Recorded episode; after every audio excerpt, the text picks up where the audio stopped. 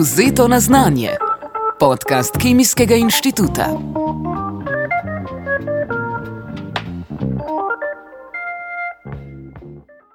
Pozdravljeni v šesti epizodi podcasta Vzeto na znanje, ki ga pripravlja Kemijski inštitut.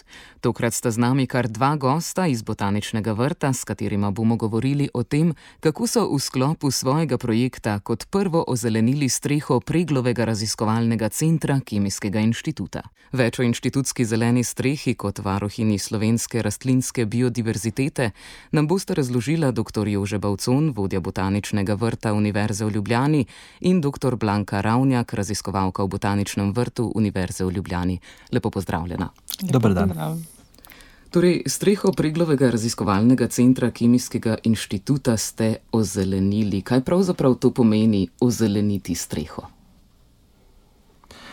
Ja, ozeleniti streho pomeni to, da v bistvu, bom rekel, en delček narave poskušamo spraviti v urbani del. In dejansko, če bi pogledali v naravi, marsikatera skalna polica zgleda podobno, kot zgleda potem en strešni vrt. In v bistvu, če take, bom rekel, delčke narave po, postavimo v mesto, potem imamo lahko eno tako internetno mrežo, ki iz narave preko mesta potuje nazaj v naravo. Pa ko prestavimo iz nekega dela narave vrt v središče Ljubljane, se tam potem kaj zgodi, lahko preživijo te rastline, verjetno so pogoji za samo rast drugačni v njihovem originalnem bivališču.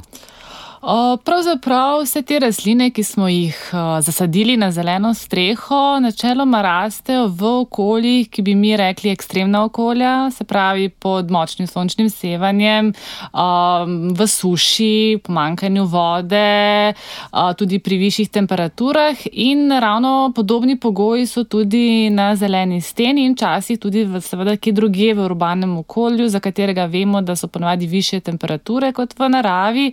In zaradi zaradi tega, če izberemo pravilne rastlinske vrste, uh, jih lahko, bomo rekli, normalno zasadimo v tudi takšne malce drugačne, urbana okolja, nekoliko ekstremne in bodo te vrste seveda tudi tam dobro uspevale, rasle, ker so pač že navajene iz svojih življenjskih okolij v naravi.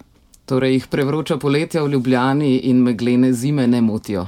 Niti ne, sploh vroča poletja, jim ustrezajo, so takšne prave krašovke, trdovratne, trdožive in zato bom rekel, tudi brez težav rastejo tudi na zelenih strehah. Kako pa to, da ste kot prvo izbrali prav streho preglovega raziskovalnega centra? Ja, to je, bom rekel, sklop okoliščine. Ne. Prvič, bom rekel, tukaj je bil že vrt, eh, bom rekel, ena zelena površina. Eh, šlo je za to, da bi pač tukaj dodali eno vsebino, novo, in ni. Uh, bom rekel, mi smo manjše take projekte prej že delali po Ljubljani, ne, ampak to gre pa, bom rekel, za drugačen projekt, ker smo poskušali tukaj, ker gre za inštitucijo, raziskovalno inštitucijo, postaviti tudi rastline, ki so, bom rekel, naravi že ogrožene ne, in bi jih lahko tukaj varovali na nadomestnem rastišču. Tako da je bila potem to taka dobra zgodba, ki se je poklopila skupaj in površina je malo večja in je večja možnost, bom rekel, za varovanje teh vrst na nadomestnem rastišču, pa hkrati so te vrste, bom rekel, za tiste zbiralce ali pa tiste, ki bi radi mal vzeli te rastline in jih potem kam drugam odnesli zavarovane. Se pravi, ni jih možno kar tako odtujiti tukaj. O kako veliki površini pa pravzaprav govorimo? Ste mogoče mogli tudi poglobiti, eh, koliko zemlje pride pravzaprav na streho? Poglabljali smo nič, načeloma, kadar gre za strešne vrtove, gre za seveda plitko prsta, ne, se pravi, do rekli 10 cm, nekaj takšnega. Zdaj, kot je bilo že rečeno, že prej je obstajala zelena streha, se pravi, z določenimi komercialnimi vrstami, tako da mi nekako nobene dodatne zemlje nismo dodajali, ampak smo preprosto dosadili rastline v to že obstoječo pripravljeno površino. Ne. Ampak nekako ocenjujemo, ne, da je recimo globina tam nekje okrog 10 10 cm. Sama prst je neke vrste komercialna mešanica, predpripravljena, se pravi z dodatki določenih materijalov, ki naredijo prst nekoliko bolj peščeno.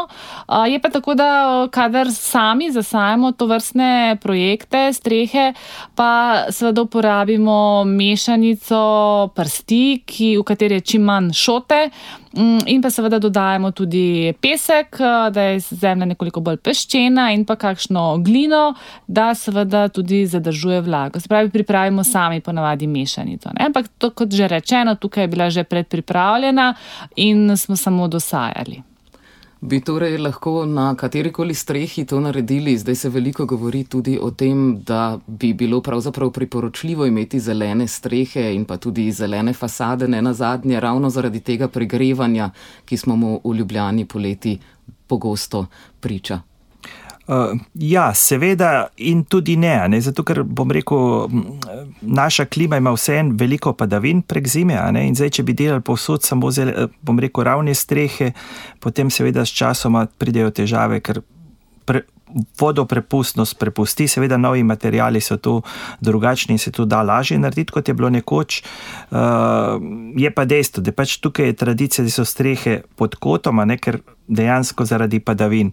Kar se tiče, bom rekel, zelenih fasad, je tudi tradicija, bom rekel, drugačna kot je druge, recimo v tropskih delih. Tukaj lahko delamo zelene fasade na ta način, če imamo eno ovijalko, ki potem raste navzgor, ker vse ostalo, kar pa naredimo, je pa v bistvu prevelika poraba vode in vsega, kar bi rabili, da bi v bistvu zelena fasada dejansko ostala. Pri nas so pretopla poletja ne, in premrzle zime. Ne, in je to v bistvu ni tako, kot je to v tropih, ker karkoli date, v bistvu že tam lahko raste, tudi na, bom rekel, na, na fasadah. Ne. Tako da je pač treba vse, karkoli delamo, prilagoditi našim razmeram. Ne. Mi smo, bom rekel, v zmernih klimatih, kjer so temperature po zim lahko nizke poletja so lahko zelo vroča in zato morajo tudi rastline biti temu prilagojene, ne, da v bistvu mi ne potrebujemo, da rastline zalivamo čez poletje, ker je po to poraba energije in hkrati, da je še vedno zeleno.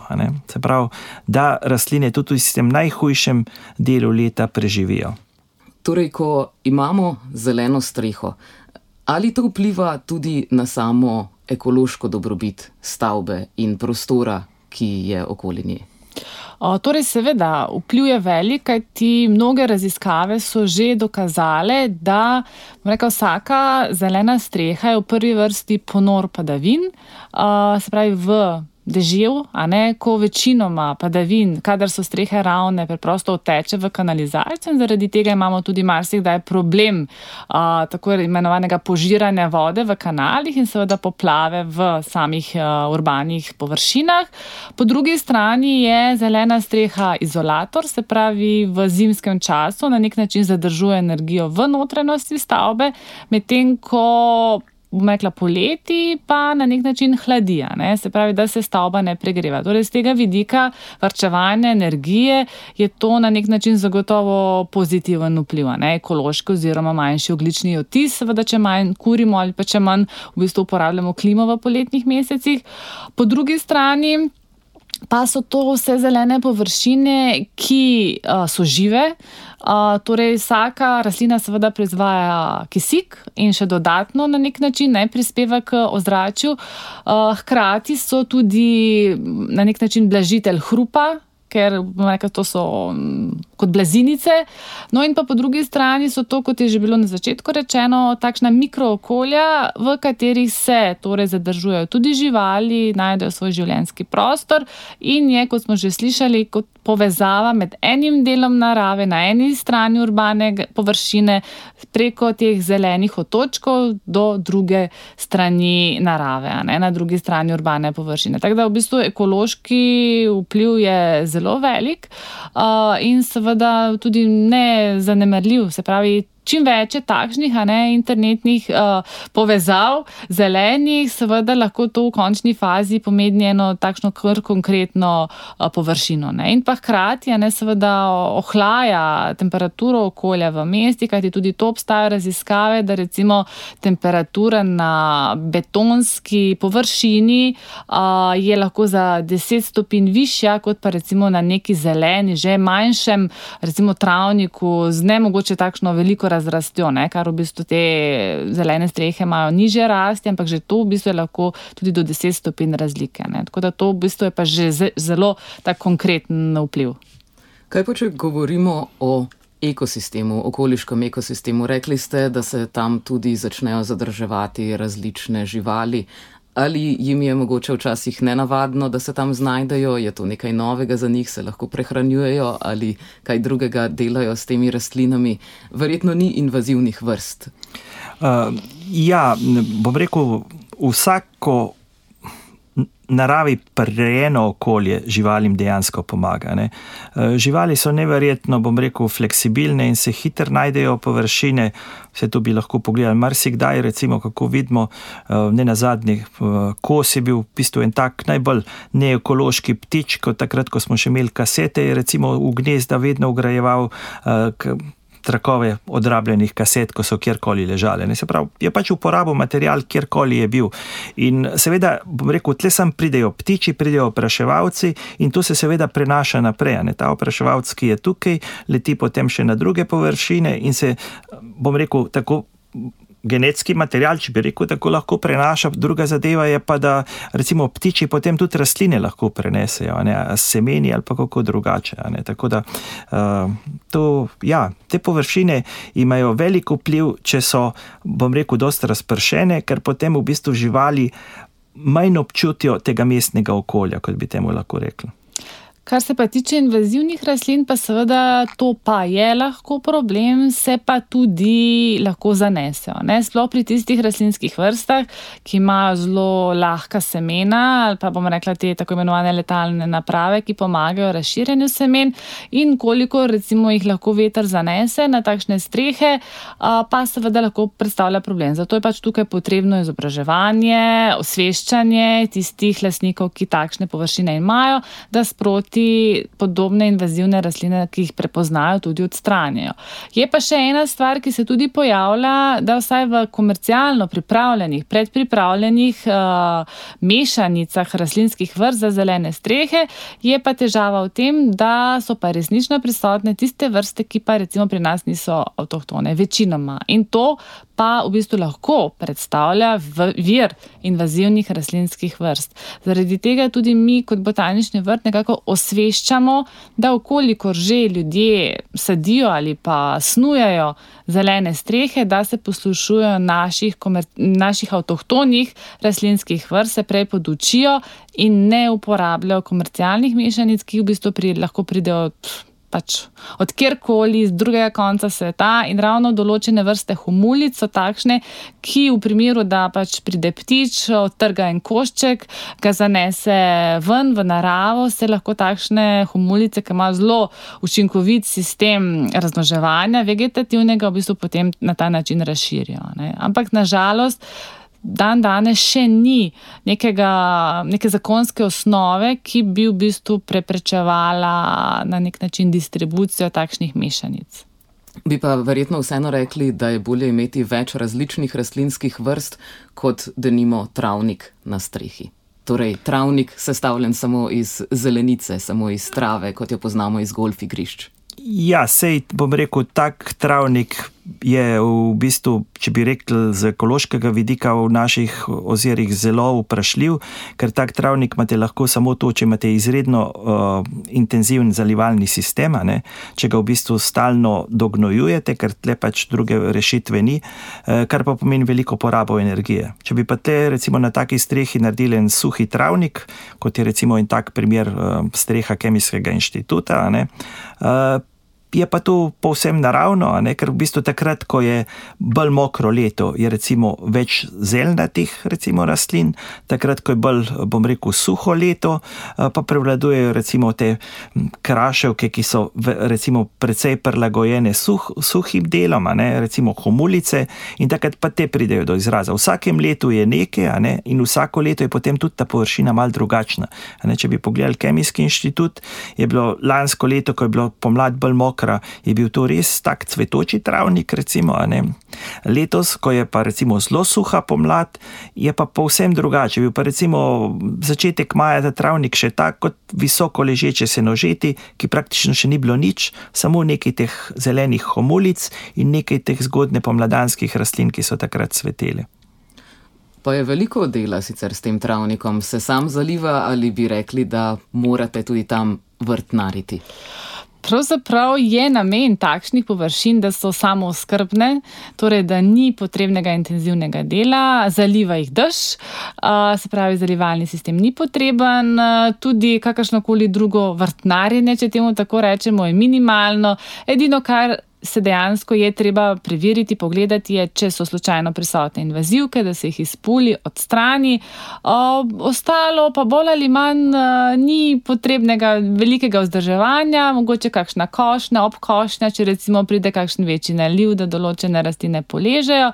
Drugače je pa cilj, da rastline zacvetijo, semenijo, odvržejo semena in se na ta način tudi same.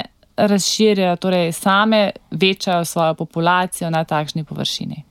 Torej, tako streho Kemijskega inštituta kot ostale vrtove redno obiskujete? Uh, ja, v bistvu streho pogosteje, ker je lažje, medtem ko ostale površine, recimo nadstrešnice po Ljubljani, ki smo jih zasadili, te smo pa takrat zasadili in potem praktično jih ne tikamo več. Ne, tako da se v bistvu, bom rekel, povsem samo oskrbne. Uh, samo prvo leto smo recimo pregledali, pač, kako je to uspelo, in rastline so se recimo dobro množile. In kot je že kolegica povedala, treba je preverjati samo zaradi invazivnih rastlin. Uh, v letošnjem letu, ko je pa res tako sušno leto, uh, pa tudi, bom rekel, na nadstrešnicah, tudi te nimajo kaj veliko možnosti in so te bom rekel, avtohtone rastline z našega krasa uh, prišle povsem do izraza. Ni pa se bati, da bi, naprimer, ko je letos tako sušno leto, povsem izumrle nadstrešnice, oziroma da bi bile povsem suhe in naslednje leto ne bi več zrastle. Pravzaprav ne, ker tako kot smo že rekli, izbor rastlinskih vrst, primernih rastlinskih vrst je tisti, ki resnično odločno vpliva, ali bo takšna zelena streha, zeleni kotiček deloval ali ne. ne. Tako da mislim, da ni bojazni, kajti sploh v letošnjem letu smo že doživeli kar nekaj takšnih zelo, zelo sušnih obdobij in ravno v tem letu so recimo humulice na teh nastrežnicah res bujne, daleč najlepše, kot mogoče, če bi bile v obilnem deževju. Katere rastline pa pravzaprav ste uporabili za streho Kemijskega inštituta? Kaj lahko tam najdemo? Uh, ja, streha Kemijskega inštituta je dejansko en tak vzorčni primer, kot smo rekli, ker smo poskušali tukaj dati rastline, ki so recimo rastejo samo v Sloveniji, rastline, ki so ogrožene, ne, da bi v bistvu te rastline na tej površini, ki je relativno že dovolj velika, lahko varovali tudi tako populacijsko, recimo, da imamo nekaj več primerkov ene vrste. Tako smo tukaj recimo zasadili kar pet različnih endemitov, recimo, ki so prisotni v Sloveniji, od naše hladnike, recimo, ki je samo v Sloveniji raztoča, potem pironove metelke, recimo, ki sega še malo v Italijo, pa recimo kakšno kojniško peruniko, ki sega še uh, malo na Hrvaško, ampak zopet v bistvu iz kraških predelov in pa seveda tudi kakšno drugo ogroženo vrsto.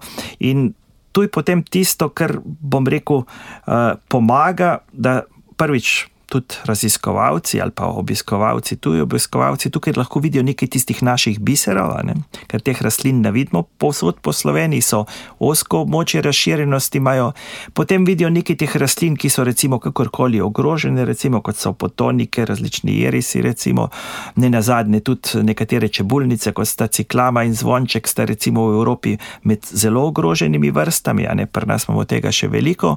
In pa hkrati smo nekako naredili tako, da v bistvu bi prek zgodne ali pa pozne zime, recimo zgodne pomladi do pozne jeseni, vedno nekaj cvetelo. Ne? Tako da v bistvu, kadarkoli pridete, tam lahko ob eni naši rastlini uživate, posedite in z krasnim razgledom na grad, recimo tudi ob Fleischmannovi rebrincu, ki recimo ima edino rastišče do zdaj znano na Ljubljanskem eh, hribu, ne, na, kjer je grajski hrib. Eh, in smo tam recimo rastlino 2011 ponovno naselili, tukaj pa z pregloga inštituta lahko gledate na grajski hrib in to rastlino tudi uživo opazujete. Ne priporoča pa se, da bi se naprimer po tem travniku tudi sprehodili. Ravno nasprotno, je zaželjeno, da se hodi gor, da je to nekako v bistvu košček tiste prave senožeti iz narave in bom rekel, ni nobenega problema, da se tam lahko ljudje sprehodijo. Tako in tako tiste rastline, ki so malce večje, jih ponovadi ljudje obhodijo, obhodimo, a ne se vidijo. Tiste, ki so pa pohodne, pa bom rekel, brez težav to tudi preživijo in lahko rečemo, da kolikor smo že uh, se pogovarjali z kolegi iz uh, inštituta, nekateri to streho že pridno izkoriščajo, ta namen, da mogoče uh, si prinesejo prenosni računalnik, se usedejo na zelenico in kakšno delo opravijo tudi tam. Ali preprosto pridejo pojesti malico, mogoče mečke na pauzo, poklepetati. Tako da je na nek način želja, da se dejansko ta košček narave tudi konkretno uporablja, ni samo za gledanje.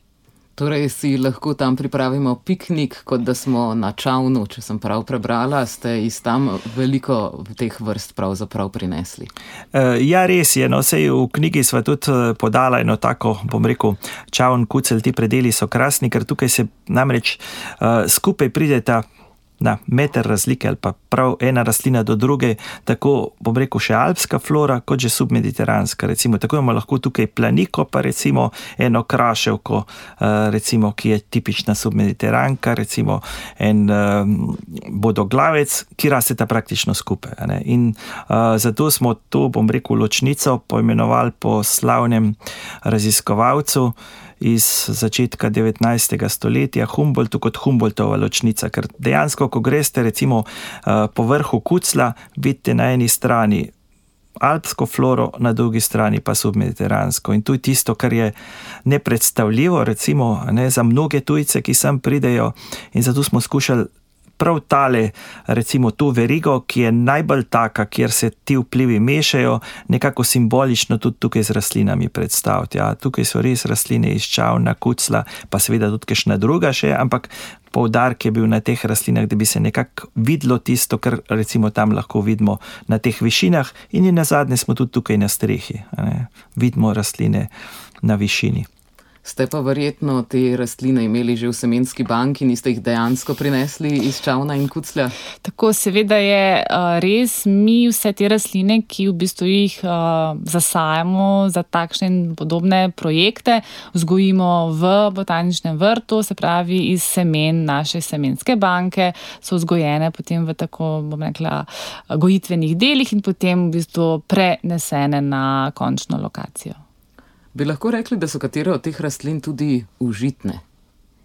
Uh, tudi, ja, vedno, vedno recimo, damo nekaj takih rastlin, ki so kakorkoli, ja, so užitne, so zdravilne, recimo, uh, ki imajo različne učinkovine. Vse povsod, bom rekel, vse naše površine, bom rekel, vsebujejo praktično vedno ta diapazon naših rastlin, ki so kakorkoli uporabne. Bom rekel. Ne, tlej, bom rekel, ena zanimiva rastlina, uh, ki je bila bom rekel, že pred 150 leti eh, veljala za izredno zdravilno, recimo eh, Inula Hirta, srhodlaka Ojoman, recimo ljudje so ga, bom rekel, tako po domače imenovali Astra Montana, ne, ne bi rekel čist latinsko ime, ampak pač tako so vzeli, zato ker rastlina res spada med um, košarnice.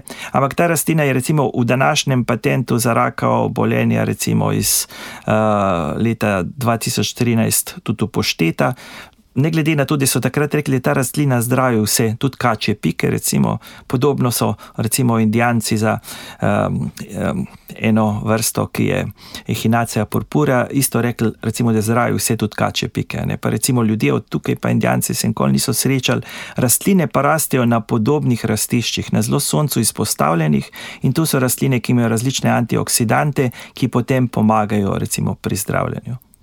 No, pa če smo že šli na drugo celino, kako pa je s tem trendom po svetu, torej s trendom ozelenitve streh. Zdi se, kot da se je torej preporod ponovno začel v 60-ih, ampak smo to v zgodovini poznali že tudi drugot, kaj ne? Tako je, pravzaprav to ni nekaj novega. Lahko bi rekli, da že babilonski vrtovi so bili na nek način uh, zasajene površine, urbane strehe, ne, terase. Uh, ne na zadnje, tudi v naravi so ljudje na nek način že opazili, ne, da se na določenih površinah same zasejo določene rastline, tudi v Sloveniji, ne, rastlina netresk eh, je bila pravzaprav rastlina, ki je rasla na strehah. Eh, in celo domačini, naši predniki so verjeli, da tam, kjer je rasla, tja ni udarila strela, zaradi tega tudi netresk. Tudi v Angliji, naprimer, te strehe so bile pogosto zaraščene s kakšnimi rastlinami, ker je pač tam tudi sama atlantska klima, večje vlage in recimo te slavnate strehe so bile pogosto vir različnih rastlinskih vrst. Tako da to ni nekaj novega. Res pa je, da pač z naraščanjem urbanih površin in pa seveda tudi moderno oblikovanih zgradb, se pravi z ravnimi strehami, pa se je na nek način pokazala potreba, da vsako površino, ki jo pač v urbanem okolju imamo, nekako zelenimo. Ravno zaradi teh ekoloških uh, faktorjev, ki smo jih že prej omenili, kako v bistvu neka zelena površina vpliva na okolje se je v bistvu pokazala potreba. In zaradi tega mogoče manj smo tega bili navajeni v Sloveniji, v našem okolju, ker ne na zadnje pri nas ni tako velikih. Milijonskih mest, ne, kjer so pozidane rekla, ogromne, ogromne površine, kjer tudi včasih dejansko ni delčka narave. Uh, Pri nas v bistvu imamo, naša naselja so še vedno zelo zelena, so drevesa, so parki in so seveda majhna. Uh, sami vemo, da lahko, bomo rekli, iz Ljubljane smo v gozdu tako rekoč takoja. Ne? Sami imamo dve takšni gozdni površini v Ljubljani in enako je v ostalih mestih, zato ni bilo toliko potrebe po zasajanju streh z zelenjem. Res pa je, ne, da tudi dan danes pri nas seveda so klimatske spremembe, tudi urbane površine se segrevajo, in pa zopet sami vemo, da trend eh, v sami arhitekturi je, da nimamo več dvokapnih streh, da so pač eh, ravne površine, večajo se površine različnih poslovnih stavb, skladišč, ki pa so seveda lahko zelo, zelo imajo velike površine. Zato se je pač tudi pri nas, pravi, zdaj tudi uh, nekako prišel ta trend, da to seveda zasajamo tudi takšne površine. V svetu, kjer pa je to bilo že prej opazno, so pa seveda s tem pač začeli prej. Kje bi torej rekli, da smo nekje na nivoju Evrope? Sami skrbite naprimer za že omenjene nadstrešnice postaj ljubljanskega potniškega prometa, eh, ki v teh poletnih dneh zagotovo mečejo veliko prijetnejšo senco tistim, ki stojijo spodaj. Uh, ja, če bi rekel po nastrešnicah, recimo teh avtobusnih postaj, tukaj bom rekel, smo verjetno kar v vrhu, ker tega ni veliko po Evropi. Recimo, zelo so se začudili, ko smo recimo, uh, o tem poročali uh, recimo, na nekaterih sestankih Svetovne organizacije botaničnih vrtov.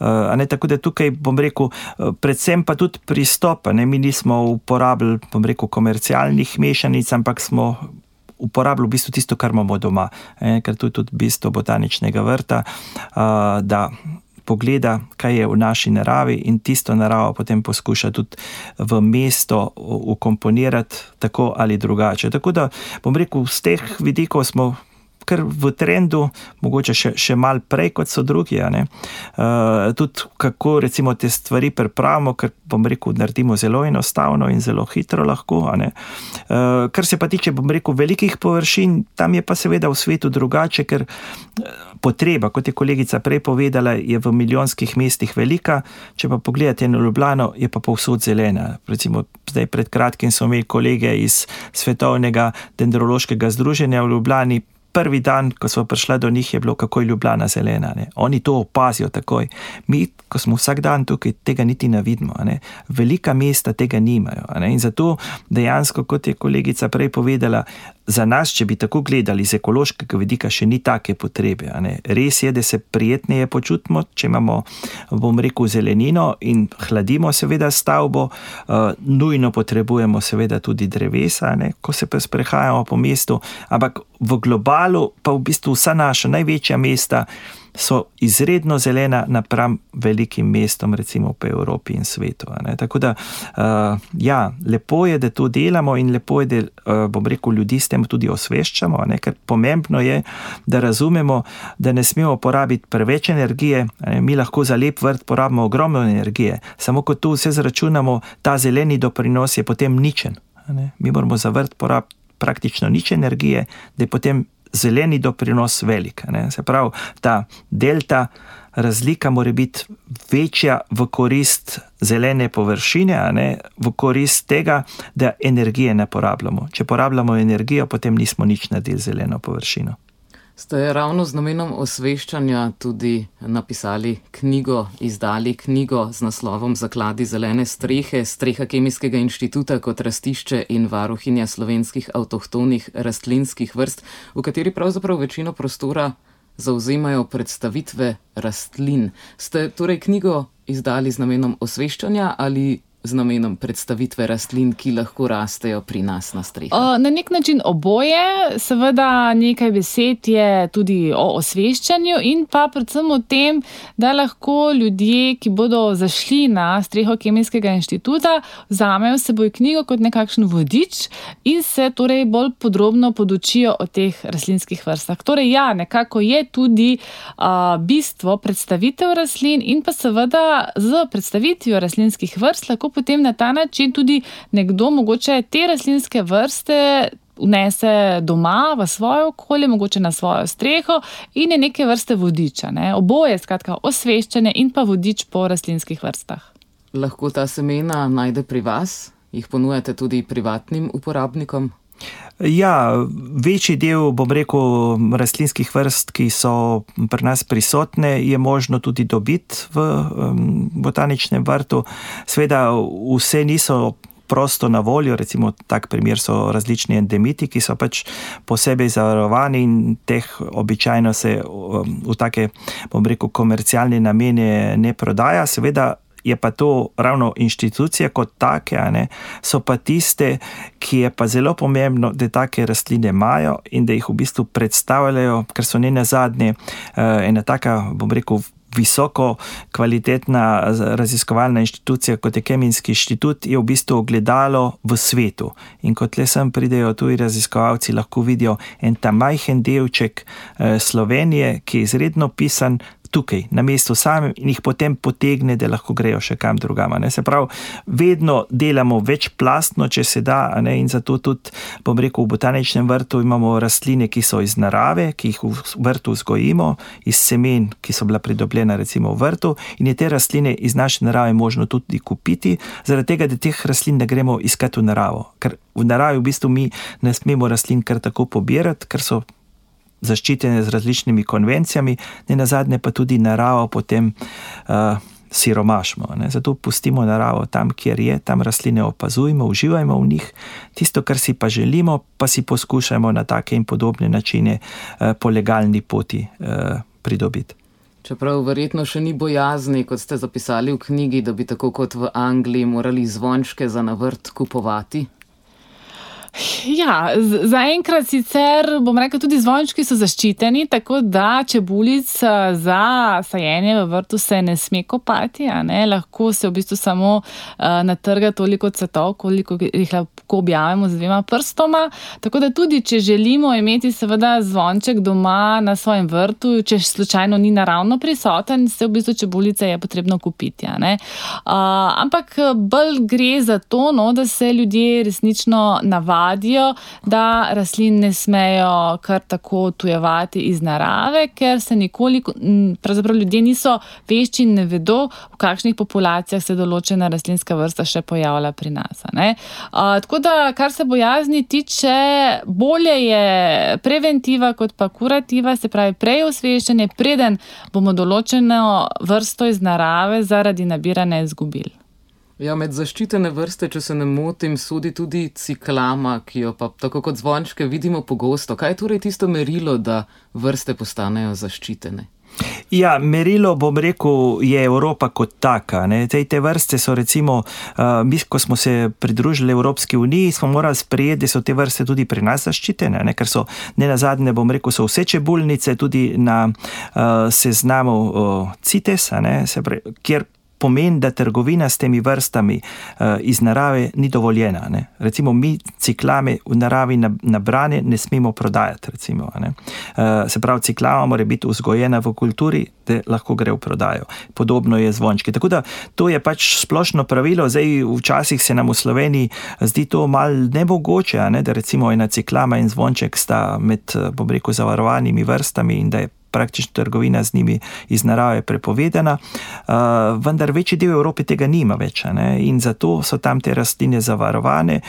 In zaradi tega, ker rekel, tujci k nam tudi prihajajo, morajo tudi oni vedeti, da teh rastlin v naravi ne smejo nabirati. Hkrati pa velja enako za naše državljane in zato v bistvu moramo spoštovati pravila, ki so splošna, ko se pač vi v eno, bom rekel, združenje vključite, tako smo se vključili recimo v Evropsko unijo, potem moramo tudi ta pravila spoštovati. Recimo nekatere rastline so na severu recimo zelo prisotne, pa jih pri nas ni, ali pa obratno. Ne? In zato je pač treba to naravo tam, kjer je spoštovati in rastline.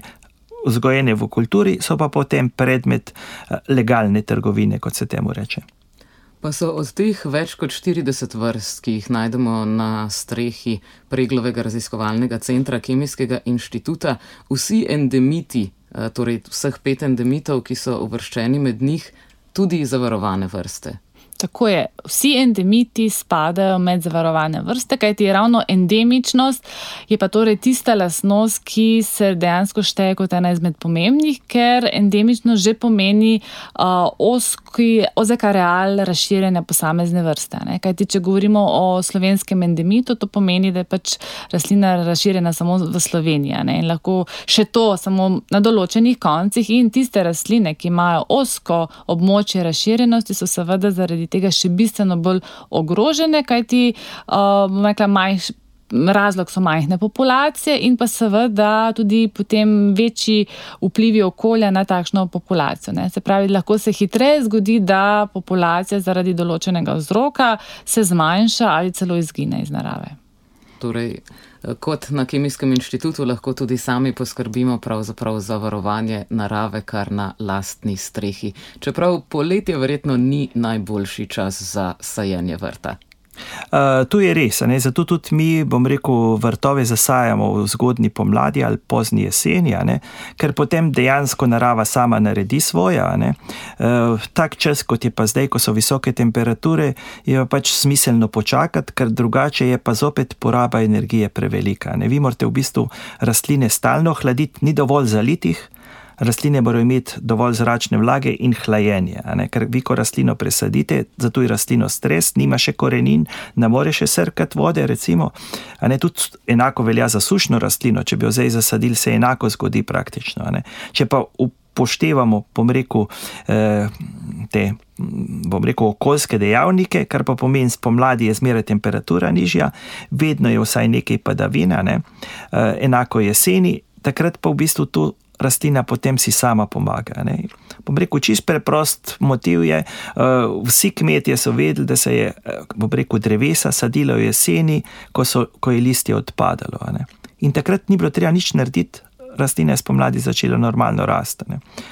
V današnjem času smo pri vsej tehnologiji vse pozabili, da je v bistvu še zmedno najbolj smiselno upoštevati naravo, ker potem je poraba energije manjša. Naj s temi modrimi besedami zaključimo današnji pogovor. Najlepša hvala, da sta se ga udeležila. Hvala, hvala. da vam. Z nami sta bila dr. Jože Bavcun, vodja botaničnega vrta Univerze v Ljubljani in dr. Blanka Ravnjak, raziskovalka v botaničnem vrtu Univerze v Ljubljani. Vabljeni tudi k poslušanju preostalih petih podkastov, ki jih najdete na spletni strani Kemijskega inštituta. Z vami sem bila Pija Nikolič, bodite lepo pozdravljeni do prihodnjega meseca, ko se ponovno slišimo. Aha.